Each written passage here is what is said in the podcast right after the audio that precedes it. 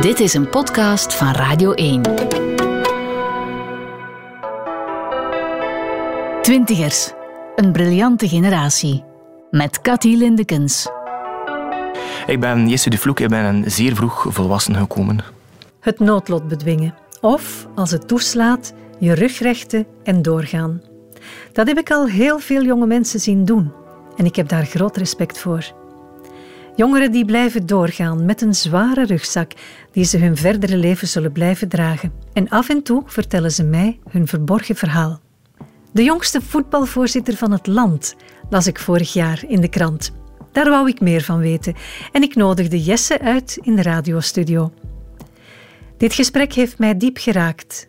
Een verhaal van ongeluk, diep verdriet en grote kracht.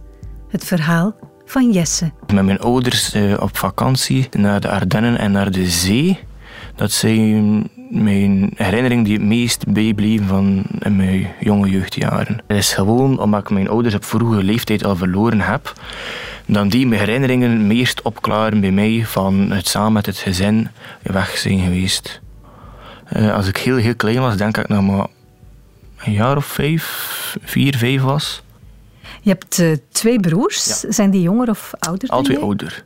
Uh, mijn oudste broer is nu gaat 30, 30 komen en denk mijn andere broer zal rond de 25, 26 komen ongeveer. Mhm. Jij bent in het nieuws gekomen als de jongste voetbalvoorzitter van België. Wanneer ben je beginnen voetballen? Ehm, de eerste loopstap in het voetbal dat was nog als ik zeven jaar oud was.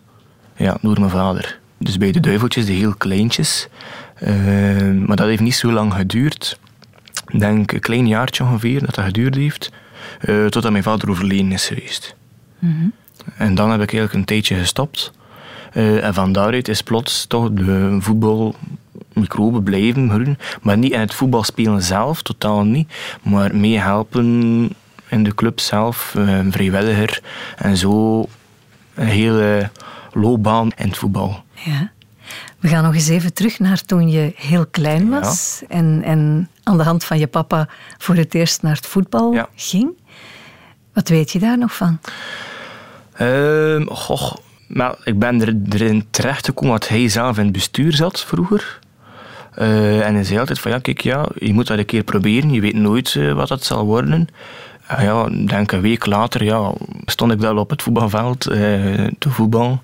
Je voetbalclub was toen, ik weet niet of ik het goed zeg, de Koninklijke Sasport Boezingen. Dat klopt.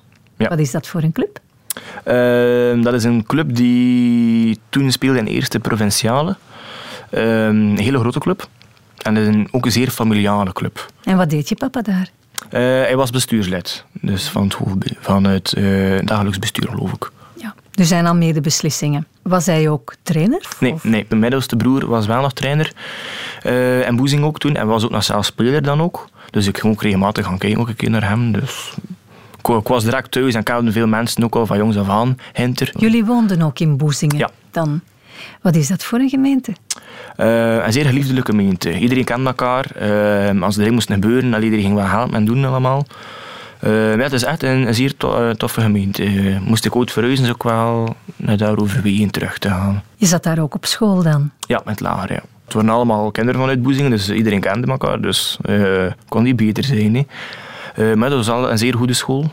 Ook, ja. Eh, Een kleine dorpsschool. het is al iets groter dan een kleiner dorpsschool. Er zaten echt wel heel veel leerlingen in, in school hinter. Maar voetbal was jouw passie dan? Al Ja, van heel maar- klein? Ja, maar ik had het nog niet toe. Later is dat ik eh, meer, en dat ik meer uitgebloed van dat ik daar graag mee bezig ben. Al snel begon je door te hebben dat voetballen Het spelen zelf, wel niks voor nee, jou nee, was. echt niks voor mij was. Maar dat was gewoon de reden omdat mijn vader overleden was. En hij zei van ja, kijk, ik heb eigenlijk niks echt mee verloren ook. Ja. Je was nog heel klein toen je vader overleden is. Zeven jaar, En hoe is dat gebeurd? kanker. Zeven jaar, dat is nog heel klein. Ja. Hoe heb je dat beleefd? Ik weet nog goed, eh, dat was nog met mijn oma thuis dan. Eh, had ik, al, maar ik wist papa allemaal kanker had allemaal. En dat hij eerst zo gezegd genezen was, maar dat het terug plots is opgekomen allemaal. Ik weet nog goed de gesprekken tussen mij en mijn mama allemaal, dat dat gebeurd is. Ik heb uh, wel nooit een traan voor gelaten eigenlijk, nee. Maar, ik wist, maar je, je wist dat het eraan zat te komen. Mhm. En daar ben je al een heel stuk van voorbereid voor te kunnen verwerken. En als je dan zeven jaar bent en je papa sterft, weet je dan dat dat voor altijd is? Dat je hem nooit meer. Ja, als zeven jaar weet je, dat, ja, weet je dat heel goed. Dat het zo is. En hoe ging je mama er dan mee om? Want uh, zij bleef achter met drie zonen. Ja, ja, ja. Maar ze had heel veel steun van mijn oma, dus haar mama eigenlijk had ze heel veel steun van. Uh, zelf was ze heel sterk. Maar ze wist het ook natuurlijk uh, allee, dat, dat, het eraan ging komen op een bepaald moment. Mm Herinner je je daar nog iets van? Dat hij nog iets gezegd heeft over dat voetbal? Want dat was toch een stuk van zijn leven? Ja, dat eigenlijk niet echt. Ja, maar je bent toch maar zeven jaar, je weet niet mhm. tot wat dat gaat uitgroeien. Of ja, je weet, ja, weet dat niet. Ik, ik, wist niet aan zeven jaar tijd eh, dat ik dat ging realiseren dat mijn 19 mhm. was. Dus dat wist ik niet.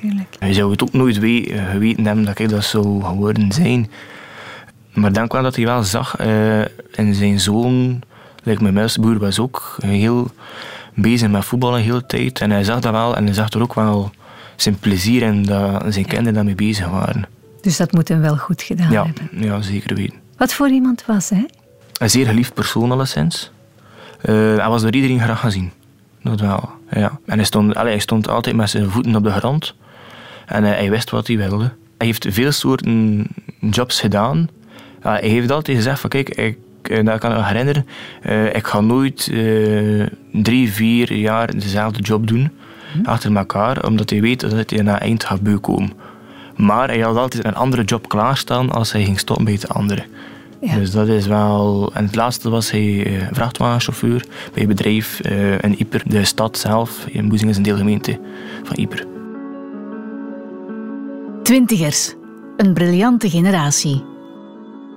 Ik heb na mijn zeven jaar een heel tijdje niks te maken gehad met voetbal. Maar dan, ja... En waarom was dat? Gewoon, ja, mijn vader overleden was. Ja, het was gewoon het gevoel van, ja, kijk, ik heb niks meer echt te zoeken of iets te doen. Ja. Ik zit nog met school ook goed, ja, uh, we gaan stoppen ermee en we gaan zien wat dat gaat uitdoen. Als het nog zin hebt, kan je nog altijd terug herbeginnen. Dat heb je dan ook gedaan, een beetje later. Ben je terug ik ben terug in het voetbal, gestapt, maar niet als speler. Mhm. Enkel als, als vrijwilliger. En van daaruit heb ik heel wat stappen afgelegd tot nu.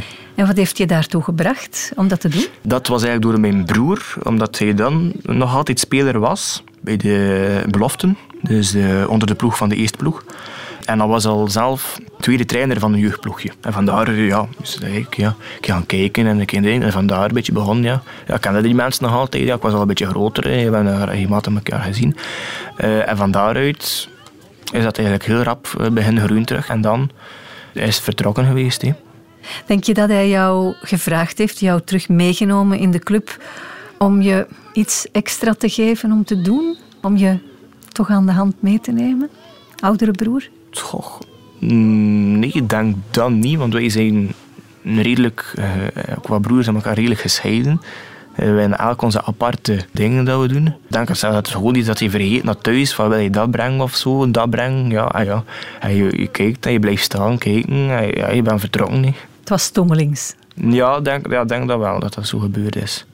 En dan ben je jezelf in die club toch ja, een beetje beginnen engageren en je een beetje Ja, we kenden daar uh, mensen die, die verantwoordelijk waren voor die club. En van daaruit zei je zei van, ja, kijk, ja, wil ik een een klein handje komen helpen. Ik was misschien wel nog klein, maar ja, um, ik was graag gezien door iedereen. Hè. Toen zat je in, in het middelbaar onderwijs. Hoe ging dan het huishouden thuis? Want mama stond er alleen voor. Ja, ja mijn, mijn mama deed mm, bijna praktisch uh, alleen. Ja, want uh, ze werkte toen al part-time eigenlijk. Omdat ze, ja, ze zat met drie zoon natuurlijk. Ja. Maar toen ze zelf uh, kanker kreeg ook, ja, werd het ook moeilijker voor te gaan werken ook. Dus bleef ze... Wat deed ze? Uh, zij werkte bij een familiehulp, een hulpbedrijf voor thuis. Mensen verzorgen hier, zo een beetje thuishulp. Twee ouders in één gezin, dat is wel heel dramatisch, hè? Voelden jullie dat ook zo? Op dat moment? Ja, de periode daartussen hebben wij ook nog een woningbrand gehad. Dat kwam er eigenlijk eerst nog vooral erbij. En van daaruit, ja, toen had ze ook al kanker op dat moment. Je zou er gewoon naar komen eigenlijk. dan de dingen gebeuren. En dan wordt het verwerken rapper en denk je er eigenlijk niet meer over na. Ja. In die brand waren jullie heel veel verloren dan? Alles.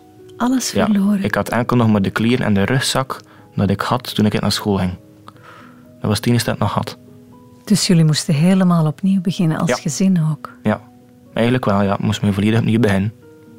En, en hoe is dat gegaan? Met hulp van veel mensen? Dat is waar, heel veel hulp van, van mensen. Ik heb een tijdje bij mijn oma gelogeerd en ook een tijdje bij mijn onkel ook gelogeerd.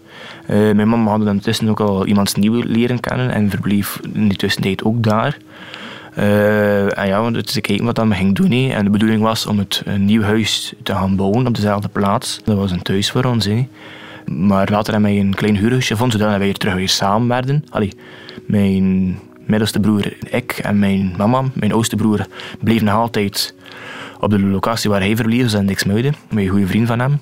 Maar ja, wij, de rest, ja, we hebben samen uh, in dat huis zelf gebleven. Ja. We hadden de bedoeling voor te herbouwen. Mm. Maar die kans is er nooit toegelaten, totdat eigenlijk een jaar later mijn mama dan overleden is. Had je dat zien aankomen? Ik eigenlijk wel. Ik, en dat was de enige en de rest van de familie totaal niet. Ja, want het was precies of... Uh, mijn mama vertelde het precies aan mij, maar allez, ze zei niks als zo, maar je voelde het aan van kijk, ja, nu is het, is het einde aangekomen. Mm Wat voel je dan als 15-jarige jongen? Ja, het was een moment dat ze zei thuis moest blijven en naar bed. En ik heb op een bepaald moment ook heel wat voor haar gezorgd op dat moment. En dan gewoon door een gebeurtenis... Uh, uh, en dat weet je nog heel goed.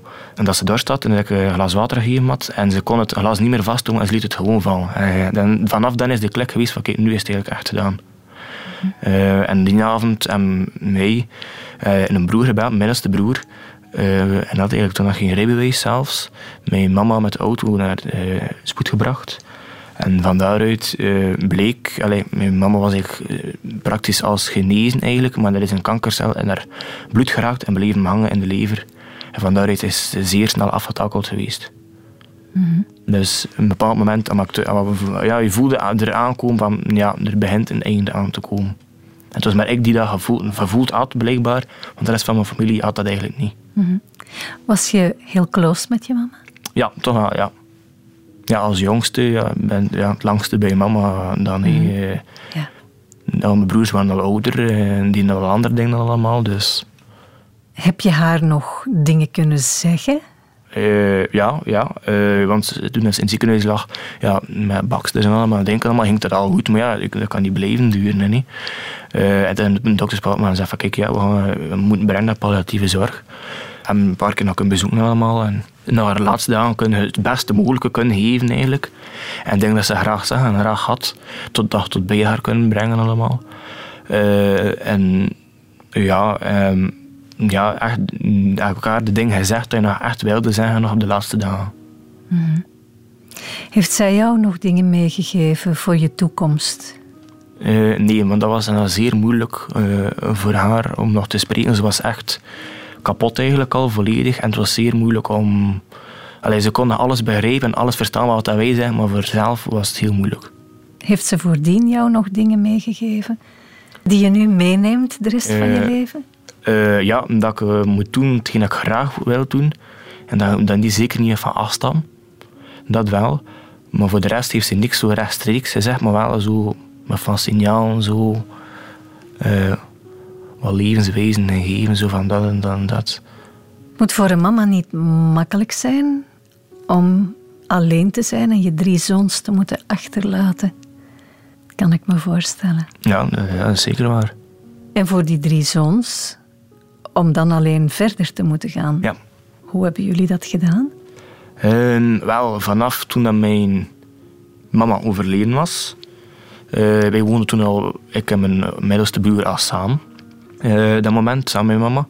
Eh, maar dan is het bijna direct overgeschakeld dat ieder zijn eigen weg ging gaan en bijna moeten gaan.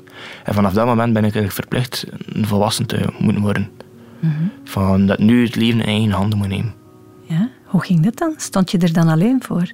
ja, mijn broer uh, had ook zijn leven, mijn oudste broer had ook zijn leven en moest ook uh, zijn leven verder opbouwen. En ik had eigenlijk geen probleem vinden dat ik alleen thuis bleef. omdat mijn mama ging gaan werken, was ik ook alleen thuis. Uh, of denk, ja, of als ze in het ziekenhuis vroeger was. Mijn, mijn vader, ik was, als, als, als, ik was misschien wel vijf of zes, ik was ik ook alleen thuis. Dat was er van jongs af aan meegegeven nee, om mm -hmm.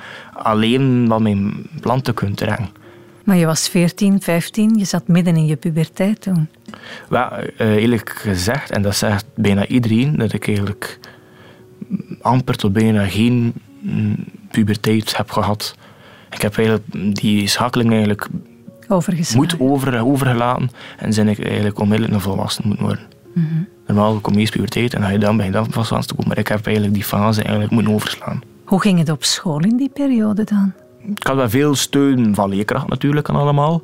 Uh, is, is niet ook wel de toestand van ja, dat en dat en dat. Dat was toen ook wel een grote schok van ja, mama is ook al overleden nu en allemaal. Maar eh, mijn school is er niet op achteruit gegaan eigenlijk. Nee, totaal niet. Het is eigenlijk beter, soms zelfs nog beter geweest op bepaalde momenten. Maar er is er niks onder geleden eigenlijk. Ik volgde toen uh, decoratietechnieken en publiciteit. En had je veel vrienden die je konden opbeuren, die je konden steunen? Steunen, ja. Ja, tuurlijk. Uh, maar niemand weet uh, wat dat ik heb meegemaakt. Je kan dat niet in iemand anders plaats innemen. Je kon het ook niet vertellen? Ik kon het wel vertellen. Ik kon het gewoon op een normale manier vertellen. Like zoals nu doen, altijd. Allee, ik heb nooit voor het traan gelaten, nooit. Uh, maar ja, het gebeurt is gebeurd, zeg ik dan. En kijk, ik moet vooruit en daarmee... Het moet gewoon, hè. Ik kan niet blijven zitten, dat gaat niet. Ik vind het een beetje raar, Jesse, dat je zegt, zowel bij je papa als bij je mama, ja. ik heb er nooit een ja. traan voor gelaten. Je moet toch wel diep verdriet gevoeld hebben. Ja, dat wel. Je, want je, van binnen besef je van, kijk, ja, ze zijn er niet meer en ze gaan niet meer terugkeren. Dat wel. Maar ik had het veel moeilijker toen dat ons huis afgebrand was. Want dat was het totaal denken. Dat is één moment op het andere. Wist je dat? Maar dat van mijn ouders wist je al van tevoren van het gaat niet goed. Dus daarmee ben je al eigenlijk al mee bezig. Je hebt jezelf daarop al heel, voorbereid. Al heel die tijd ben je er al mee bezig. En dan begin je beseffen van... Oké, okay, er gaat wel... Ofwel loopt het goed af, of het gaat slecht aflopen. Maar ja, 9 uit 10 gaat het wel slecht aflopen eigenlijk. En van daaruit heb ik eigenlijk mijn zeer sterk kunnen houden. Ik denk toch dat daar dan toch verdriet moet ja, van binnen, op een of andere manier ja, zijn bovengekomen. Ja, van binnen wel, ja. ja. ja van mijn vader heb je dat minder besef van, omdat hij nog zo klein was. Maar toch besef je van, kijk, hij is er niet meer. Maar bij mijn mama heb ik wel kunnen afscheid nemen zoals ik afscheid genomen had. Dus dat is een heel pak die je in je plaats al van je verdriet wegneemt. Ja, dat is waar. Dat is heel mooi dat je dat kunt doen hè? in de ja. palliatieve zorg. Ja. Mm -hmm. Hoe is het dan de eerste keer terug thuiskomen? Um, wel, en wetend dat ze er nooit meer zal zijn? Ja. Wel, wij hebben de kamer van haar, denk ik wel, een paar maanden die ben geweest. Nee, mm -hmm. die ben geweest. Um, maar toch op een bepaald moment ja, moet je keer binnen. Ja. Zeg, moet, maar, moet je gaan opruimen eigenlijk, die kamer. Moet, ja. Uh, wij hebben niks meer aangeraakt toen, uh, toen dat zo verleden was. En mijn middelste broer en oudste broer kon dat niet uh, in haar kamer. Ja, alles, ja. Hij kon dat dan wel. dat heb ik dan eigenlijk gedaan. Maar toch, ja...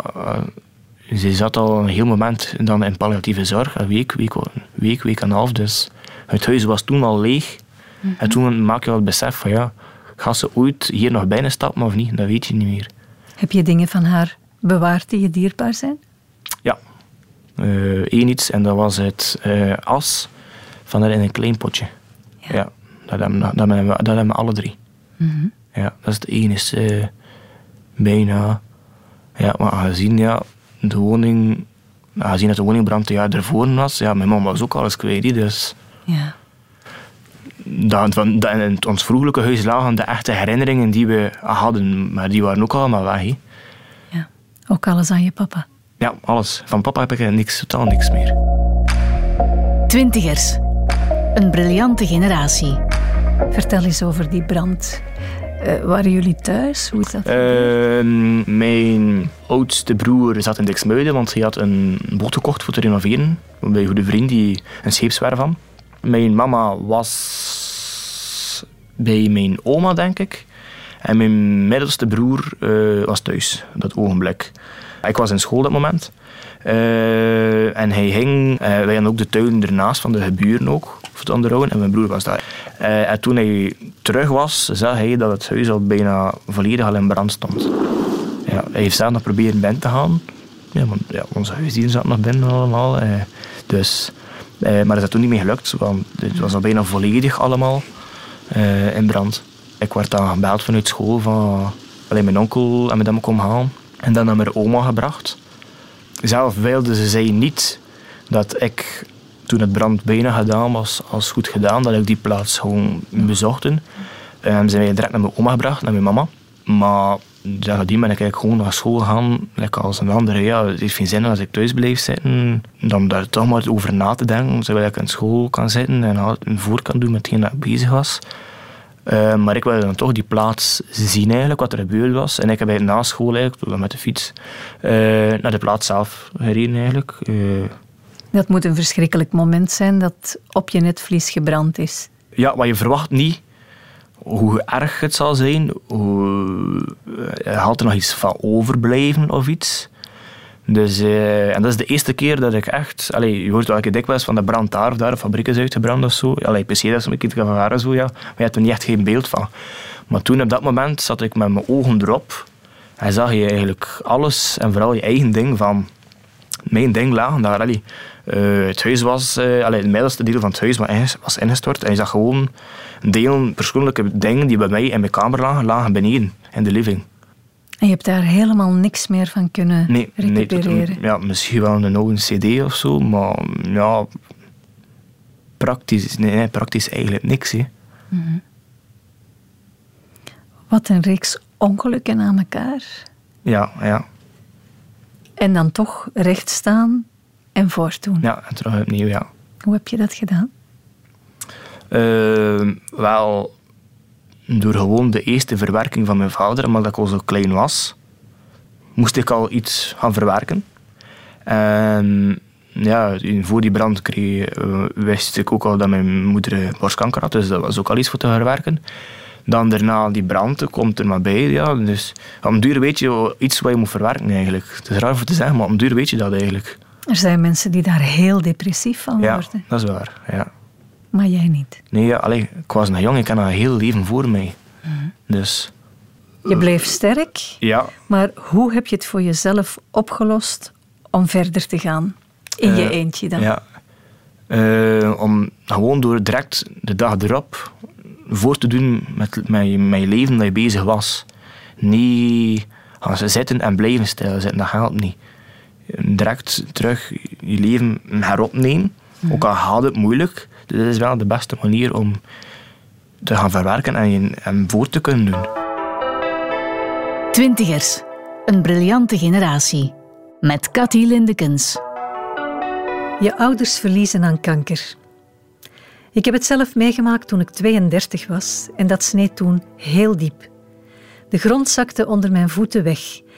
En alleen dat hoopvolle project van Kom op tegen kanker heeft mij overeind gehouden in het verwerken ervan. Op je vijftiende moet dat nog veel intenser zijn. Op je vijftiende ben je nog een kind en heb je je ouders naast je nodig. Maar Jesse heeft getoond dat je ook als tiener kunt doorvechten en overleven. En als jonge twintiger toont hij hoe sterk hem dat heeft gemaakt. Een van mijn eerste dingen was gewoon, kijk, we gaan de, de kleedkamers keuzen van de eerste ploeg van Boezingen, gewoon naar de wedstrijd, naar de training, van de baan opblazen, we zullen het gereed klaarstaan als ze kunnen trainen. Achteraf alles mooi opkeuzen en dat allemaal. Dat wordt zeer, heel erg geapprecieerd in Boezingen. En van daaruit, ja, ietsje meer en meer en meer. En op een bepaald moment zei hij van, kijk, ja, heeft iemand gevraagd, was de trainer van de U15, dus de leeftijd van 14, 15-jarigen. Ik, had, ik had ook die, toen die leeftijd van kijk, ja, mij even helpen hier en daar. Ja, want het was uh, altijd zeer druk hier en daar. Ook al was maar een paar potjes voor de training. Ja, ja ik kwam daar toch, moest ik toch wachten dat er niets ploeg gedaan was. En van daaruit, een half jaar later, heb ik bij hem meelopen als uh, een beetje tweede trainer. Ja, alles voor de trainingen denk en allemaal. En verder, ja. En ze hebben gevraagd van, kijk, wil je volgend jaar ook weer meehelpen met de ploeg genomen? Ik zei, ja, geen probleem, ik deed dat graag. Maar vanaf toen is, het een, is er een zwakker moment geweest in Boezingen. Van bepaalde mensen die weggingen. Ja, het moet, een vervanger moet goed opgevolgd worden voor iemands nieuw. En dat is zeer moeilijk in het voetbal. Mm en zeggen we dat wel, dat gaat hier echt wel heel erg eruit. En we hebben dan gekregen, een plots een ding gekregen van, kijk ja, wij zoeken nog iemand in Poperingen. Ik zeg, ja, ik weet niet meer, ja, doet graag, dus waarom niet? En dan heb ik daar een jaartje gezeten. Dat waren dan spelers van 1920 en ik was 15 die daar mhm. rondliep. Dus, ehm, en jij was de trainer dan? Allee, tweede trainer. Ik hielp hier en daar. Het. Mm -hmm. Dus uh, maar ze hadden wel respect voor. Ja, allee, je moet maar doen eigenlijk. Je hebt in het voetbal als training geven heb je twee visies. Oftewel speel je, oftewel je geeft je training aan. Dat zijn twee aparte visies en het is moeilijk om dat te combineren. Uh, en van daaruit, ja, ik heb leren, ja, leren. Je leert hoe, hoe dat moet werken en je leert dat een beetje en dat. En duur, ja, begint dat en dat gaat verder en verder.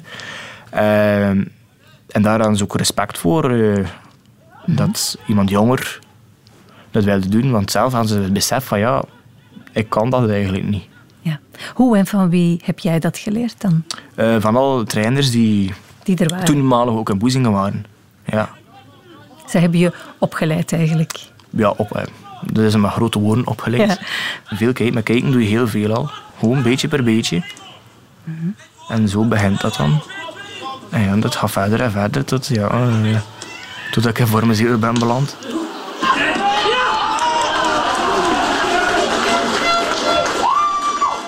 Er was een beetje gebrek aan het jeugd coördineren en een beetje beleid. En denk, ja, ik werd toen ook al ouder. Ja. Ik, werd meer geïnteresseerd nog in andere dingen die in het voetbal werden allemaal. Ouder, je was dan 18 of zo? Ik denk dat het 17 was. Ja, dan nog 17, 17 ongeveer. Dus je 17, werd ouder. Begin 17, ja.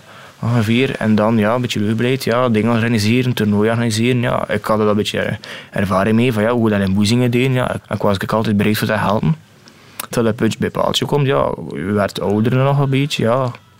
meer levenswijsheid. Ook al is maar op een jaar, ja. Er, uh, uh, en dan snel, ja, is dat overgaan. Een beetje zoals het jeugd coördineren nog met een paar mensen. En van daaruit uh, ben ik ook gerechtelijk correspondent gekomen van de club. Dat ik nog altijd ben ook. Dus, Wat is een gerechtelijk correspondent van een eh, voetbalclub? De contactpersoon tussen de club en de Koninklijke Belgische Voetbalbond. Mhm. De persoon die daartussen staat. Die alles doorgeeft en regelt. Alles doorgeeft. Dus maar de gerechtelijk correspondent die al contact krijgt van, van de bond. Het is niet dat het algemeen wordt gegeven, het is enkel maar die persoon die alles krijgt. En dat ben ik dat geworden, ja. Kan ik ook beginnen leren wat dat werkt met de bonden allemaal. Ja, want dat is een heel, het is een heel reglement he, ehm, van het voetbal. In school leerde ik ook ondertussen verder. Ja. Ik kreeg ook boekhouden in school en allemaal, dus ik wist er ook veel meer, meer van. En dan kreeg je de denken dat de vorige voorzitter aan een paar dingen die begon te kloppen. En dat voelden de, spelers als trainers ook. En dat werd dan gezien, ja, de kantine ook was, er gewoon simpel geen drank meer, omdat onze drankleverancier niet meer leverde dat. Totdat plots een trainer uh, een brief uh, aan de deur vond van de deurwaarder van de kantine. En toen zei ik, kijk, ja, zijn er klopt hier eigenlijk iets niet. En toen begon het eigenlijk helemaal. Toen was ook, uh, gezegd van, kijk, ja, we hebben er een brief gevonden tegen onze ondervoorzitter, die well, is nu al kist, 83, 84 mm -hmm. nu. En hij zei van, kijk, ja, we hebben er dat gevonden. Ik zei, ja, ik zei, weet, niet wat wij moeten doen. 83, 84 jaar. Hij wist ook niet meer, ja, wat of hoe hij moest doen nu. En hij vroeg van ja, kijk, ja, ik was nogal, ik was nogal vlug weg met van die zulke dingen. Dan maak ik gewoon al van school uit. En ik ben dan op heel wat uitgekomen. Ik had een hele lijst met de schulden die waren van voor mijn zielen. En dat was een serieus bedrag. En ik ben net mee naar de ondervoorzitter geweest. En ja, ik zie, ik zie nog altijd staan. Ik zeg, hij werd zo wit als een lijk bijna. Als hij dat zag. Want hij was zelf toen ook voor, vroeger voorzitter. Ja, was hij al meer dan 30 jaar in die club. Mm. Dus veel provinciale clubs worden geleid door oudere mensen. Ja. Die veel liefde voor het voetbal hebben, maar daarom niet altijd veel kennis over hoe het er nu aan toe gaat. Ieder jaar verandert er zoveel in de reglementering van het voetbal en allemaal. En dat het soms niet meer bij te houden is gewoon. Ehm, en ook gewoon, niemand echt wil daar nog veel doen. Hè. Het is niet gemakkelijk, hè? Een nee, het is zeker niet gemakkelijk, ja. En ja, je bent verantwoordelijk hè, voor al die mensen die er zijn. Dus je vindt niemand. Allee. Mhm. Ik weet genoeg, onze buren zijn dikke bus. En Hollebeke en Zellebeke, dat zei ook al, like in Dikkebus is ook al jaren dezelfde voorzitter. En hij zei al jaren, van, ja kijk, ik wil eigenlijk heel graag stoppen. Maar er is gewoon niemand die wil het overnemen. Ja. Dus moet ik het maar blijven voortdoen. Hè. Dus eh, ja, er, stond, ah, er was nog niets voorzien dat ik ging overnemen of zo. hè. Totaal niet. Totaal niet. Maar dat is dan gekomen tot op een avond. eh, want er werd gezegd eh, dat hij geen geld meer de kantinier mocht geven aan voorzitter. Maar dat was na een wedstrijd van de eerste ploeg. En die bijna iedereen was naar huis. Juist nog een paar ouders van de spelers waren nog aanwezig. Dat ik ook ondertussen nog goed leren kennen heb. Eh, en toen de voorzitter eiste de toenmalige kassa van die dag. En natuurlijk, ja, die kantine weigerde, omdat hij niet van de ondervoorzitter. En er is een hele ruzie uitgekomen allemaal. Ik was bezig in de kleedkamer, ze aan het opruimen, dat het al weg was, dat het in orde was. En om een keer begon te koken bij mij en, en de mensen een heel andere kant gezien van mij. Ehm, en ben ik, ik met, denk ik, stoom uit mijn oren tegen de toenmalige voorzitter begon. Iemand van 18 tegen iemand van rond de 52. En ik heb toen gezegd, allee, onze eerste trainer was toen ook nog aanwezig. En die zat er zo echt vastgenageld op de stoel van, wel, wat gebeurt er hier allemaal. En mag gewoon denken, ja, op een bepaald moment heeft hij gewoon de toenmalige voorzitter gewoon een keer naar buiten gegaan. Eh, en is hij weggebleven, want hij voelde precies wat nattigheid van, oké, dat, gaat hier niet, dat gaat hier niet goed aflopen. En jij hebt dan orde op zaken gezet. Eh, nee, niet direct. Ehm, de, toen de, de eerste trainer van onze eerste ploeg, iemand dat ik apart geroepen en vroeg aan mij, van, kijk, ja, ik zeg, wat is er hier aan? Die trainer had ook een, een passie gekregen voor Vormezelen. Het was een ploeg, het was een speler dat hij zelf verzocht had. Het was een, goed, het was een hele goede ploeg en allemaal. Ze speelden goed samen, haalden resultaten en hij wilde niet zomaar weggaan ook. Toen speelden we in derde provinciale. Ehm, en hij zei direct van, kijk, ja, ik zeg, eh, ik wil heel graag blijven voor mezelf, omdat ik heel veel energie er ook in gestoken heb. Maar jij, eh, maar jij moet overnemen, heeft hij gezegd. En ik zei van, ja, kijk, ja, ik, zeg, kijk, ik, weet, ik weet ik dat niet, ik, was, maar 18. Maar ik wist van toen al uit, van als je veel kijkt en van jongs af aan wist ik van, ja, kan je veel leren. En zo is dat gegroeid, ja. Eh, en heb ik eigenlijk de schulden die er waren, dat waren enorm, enorm, enorm veel. Ik ga zeggen, je kan bijna een nieuw huis ervan zetten. En in de afgelopen maand van, dat was toen in december, januari, nu die periode eigenlijk, tot het einde van het seizoen heb ik drie vierde kunnen daarvan wegdoen. Van de schulden. Ja, gewoon door Dat het goed gedaan. gewoon door het, mijn eigen beleid en mijn eigen visie dat ik voor ogen had, wat ik wilde bereiken toen dat jaar. Dus ook nog altijd beetje per beetje, maar ja. En daardoor ja, ben ik er nog blijven. Ik had altijd gezegd van kijk, ja, ehm, ik ga doen tot het bijna alles opgelost is. En, en ik ga mijn seizoen uitdoen. Want dat is een enorme taak die je opneemt en ne- neemt heel veel, heel veel stress mee. Eh, want ik, ja, ik doe alles. Dus de boekhouding doe ik zelf. Dus eh, de financiële kant, alles doe ik zelf. Eh, de leveranciers doe ik allemaal zelf. Ik kom contact onderhouden van de bond. Zoals de VZ2. eh, ja. Ik heb mijn eigen boekhouder moeten zoeken. Ik heb alles, alles, moeten, alles eigenlijk opnieuw moeten doen, zodat de club terugdraaiende werd. In die korte periode. En daar ben ik toe in geslaagd. En heb je er ook iets voor teruggekregen? Waardering bijvoorbeeld? Ja, heel veel waardering. En vooral van de eerste trainer. Ja, maar het is eigenlijk oorspronkelijk voor hem dat ik het gedaan heb. Omdat ik, ja, ik kende ook al die spelers. We zijn allemaal, ja, ze wisten ook niet wat er aan de hand was, hier plots. En daar heb ik heel veel waardering van teruggekregen, ja. Maar zo'n club leiden in eh, provinciale, dat brengt constant moeilijkheden met zich mee, Ja, kan waar. ik me voorstellen. ja, hè? dat is waar. Waar, waar bots je allemaal tegenaan? Goed, tegen de kleinste dingen eigenlijk. Ja. ja, we zijn maar een kleine club. We zitten eh, aan verbonden aan de, aan de stad Yper zelf. Yper telt ongeveer zeven voetbalclubs. Dus dat is heel, heel veel. Dicht bij elkaar. Wij moeten eigenlijk ook qua jeugdspelers allemaal nemen uit dezelfde, in, de- in dezelfde vesput eigenlijk, dat ze zeggen. Hè. Moeten wij allemaal dezelfde nemen. Eh, waardoor er heel wat kleinere clubs zijn. Er zijn drie, viertal kleine clubs, waaronder wij tussen zitten. Dus het is moeilijk te overleven, voor heel het seizoen te overleven. Ja, je wilt ook een, een, eerste ploeg aan die draaiend is, die resultaten haalt. Dus, en daar begint het ook allemaal. Ook al is het de kleinste ding. Ja. Het is allemaal niet makkelijk ook. De spelers moeten ook betaald worden Ja. als ze winnen. Ja, dat is ook waar. Ja. Ik heb voor een budget gezorgd, waardoor ze kunnen toch eindronde kunnen halen, voor te kunnen overgaan. Dus ook een waardering voor de spelers van kijk, ja, de club is terug goed bezig. Stel dat je nu in juni echt stopt. Ja. Wat dan met de club en wat dan met jou? Ik heb altijd gezegd als ik stop, en toch had dat er uh, ooit van afkomen, dat kan vroeger zijn of dat kan later zijn. Uh, en we gezegd dat ik uh, op zoek wilde gaan naar een, nieuwe, naar een nieuwe uitdaging. Want dat was een hele uitdaging voor mij om dat te doen. En een uitdaging dat ik graag deed. Uh, dan moest ik gewoon een keer iets nieuws, iets anders. Want het is al, rekent van mijn zeven jaar tot nu, al bezig met voetbal. Dat is al een serieuze tijd. Mm -hmm. En op een bepaald moment zeg je oké, okay, van kijk, stop. En dan begin je anti-voetbal te worden. En dat is van iedereen zo. Op een bepaald moment zeg je van kijk, ja, ik kan, kan ik geen bal meer zien eigenlijk. en is dat dichtbij aan het komen? Het begint, het gaat wel zijn dat het begint wel. Huh? Ja. Uh, Waarschijnlijk ook door al de problemen die je ja, hebt moeten oplossen. Ook, ja, allemaal. Ja. Is er weinig pret aan? Ja, voor mij is er niet veel amper uh, pret aan. Nee. Mm -hmm. uh, ze kunnen wel plezier maken en denken allemaal aan het voetbalveld. Dat ik weet dat er thuis een hoop uh, facturen liggen. He. Ja. Vorig jaar was dat zo, maar nu is alles al haalbaar eigenlijk. Ja. Maar toch, ja, uh, heb ik dikwijls de vraag gesteld: ga ik dat voor de rest van mijn, allez, van mijn dagen doen? En dan heb ik eerlijk gezegd nee. Mhm. Mm -hmm. Er zijn nogal genoeg andere dingen dat de mens eigenlijk wil doen. Wat zijn je dromen, Jesse? Uh, wel, ik ben een enorme fan en ik race enorm graag. Um, en gewoon een keer iets op zoek naar iets nieuws, gewoon misschien. En wat zou dat kunnen zijn? Goh, ja, dat is een goede vraag. Doorstuderen wil je niet, hè? Nee, doorstuderen doe ik niet meer, want ik ben afgestudeerd. In uh, decoratietechniek. Ja, ja. Uh, verder studeren had ik eigenlijk geen belang en geen behoefte aan, want ik woonde al toen nog alleen. Dus uh, ik woonde ook alleen, ik heb ook mijn appartement. Dus uh, studeren kon er in principe ook wel niet echt meer ervan.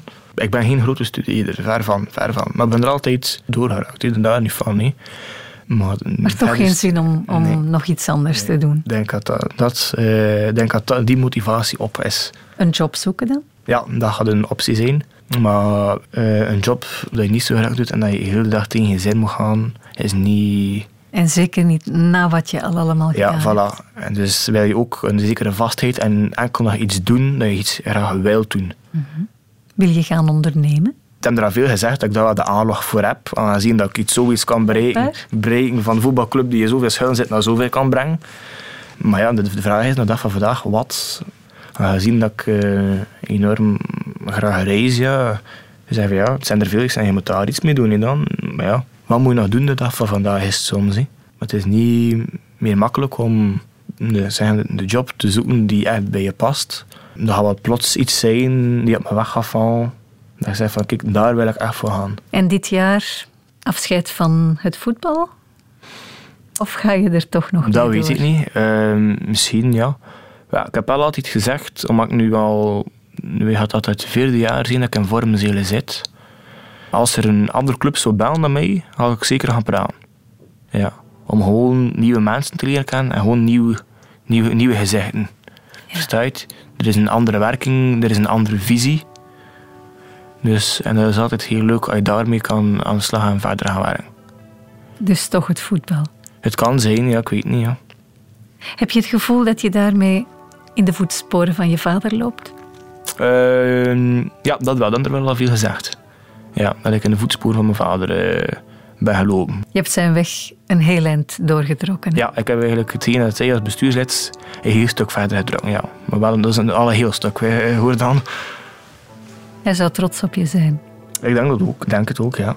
Het zou tof zijn, moest mijn ouders kunnen zien wat ik nu verwezenlijkt heb. Maar helaas uh, hoort dat er niet aan toe. Dit was Twintigers, een podcast van Radio 1. Ontdek nog meer podcasts van Radio 1 in onze app en op radio1.be.